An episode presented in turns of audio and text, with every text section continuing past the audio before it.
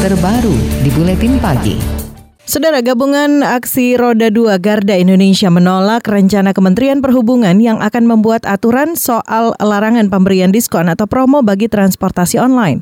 Ketua Gabungan Aksi Roda 2 Indonesia Garda Igun Wicaksono menyatakan, sebaiknya Kemenhub membuat regulasi yang mengatur tentang pembatasan diskon. Menurutnya pembatasan diskon dapat menghindari predatory pricing atau upaya memasang tarif serendah-rendahnya untuk menyingkirkan pesaing yang akhirnya mengerugikan pengemudi. Ini menganggap positif pembatasan ini karena apa? Agar tidak terjadi persaingan usaha yang tidak sehat antar perusahaan aplikasi. Agar tidak terjadi persaingan tidak sehat. Dan itu juga berdampak kepada para driver ojek online-nya. Ada aplikasi yang uh, menerapkan diskon besar-besaran, tapi ada aplikasi yang uh, diskonnya normatif aja, biasa aja. Akhirnya penumpang pada larinya ke yang besar-besaran kayak gitu. Ketua Garda Indonesia Igun Wicaksono menambahkan Kementerian Perhubungan harus mengatur ambang batas penerapan promo bagi penumpang, bukan menghilangkan keseluruhan diskon tarif di transportasi online. Aturan mengenai larangan pemberian diskon yang akan dikeluarkan Kementerian Perhubungan juga ditolak oleh konsumen transportasi online. Salah seorang konsumen ojek online Astri Septiani tidak setuju terkait pembatasan diskon oleh Kementerian Perhubungan karena dapat memberatkan konsumen. Kalau saya sih tentu nggak setuju ya sama uh, pelarangan diskon ojek online. Karena menurut saya diskon itu kan ya itu haknya konsumen untuk mendapatkan diskon. Apalagi kita kan uh, dengan harganya yang udah naik kayak sekarang tuh itu naiknya aja udah cukup memberatkan ya. Apalagi kalau diskonnya dihapus pasti para pengusaha ojek online ini pasti kan juga mikir-mikir kan uh, bakal kurang juga penumpangnya gitu. Konsumen ojek online Astri Septiani menilai diskon salah satu cara untuk menarik konsumen untuk menggunakan ojek online di samping pilihan tarif yang tinggi. Selain itu, diskon membantu konsumen untuk menggunakan ojek online dan beralih dari kendaraan pribadi ke kendaraan umum.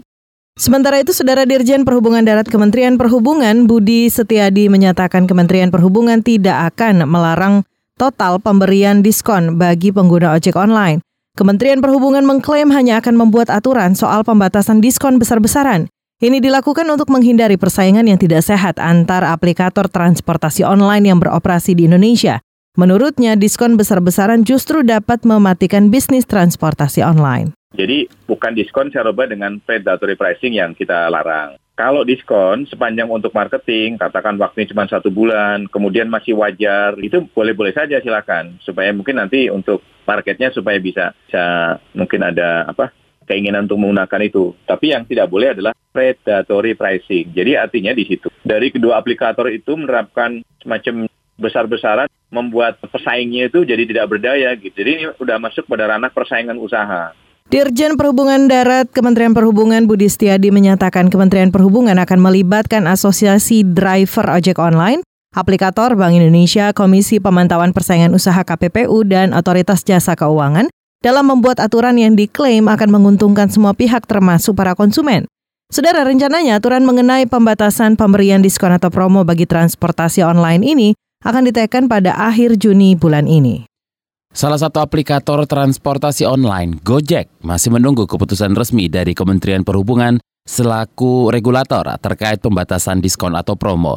Menurut juru bicara Gojek Alvita Chen meminta regulator harus mengedepankan kepentingan konsumen sebagai pengguna dan pengemudi sebagai mitra Gojek. Yang pasti harapan kami segala peraturan harus dilihat secara menyeluruh sehingga dampaknya tetap positif bagi mitra driver, bagi pengguna layanan dan juga industri. Juru bicara Gojek Alvita Chen menambahkan persaingan industri yang sehat perlu menjadi perhatian bersama. Apalagi dalam jangka panjang, subsidi berlebihan akan mengancam keberlangsungan industri, menciptakan monopoli, menurunkan kualitas layanan, dan mengganggu kesejahteraan mitra pengemudi yang mencari nafkah melalui Gojek. KBR, inspiratif, terpercaya.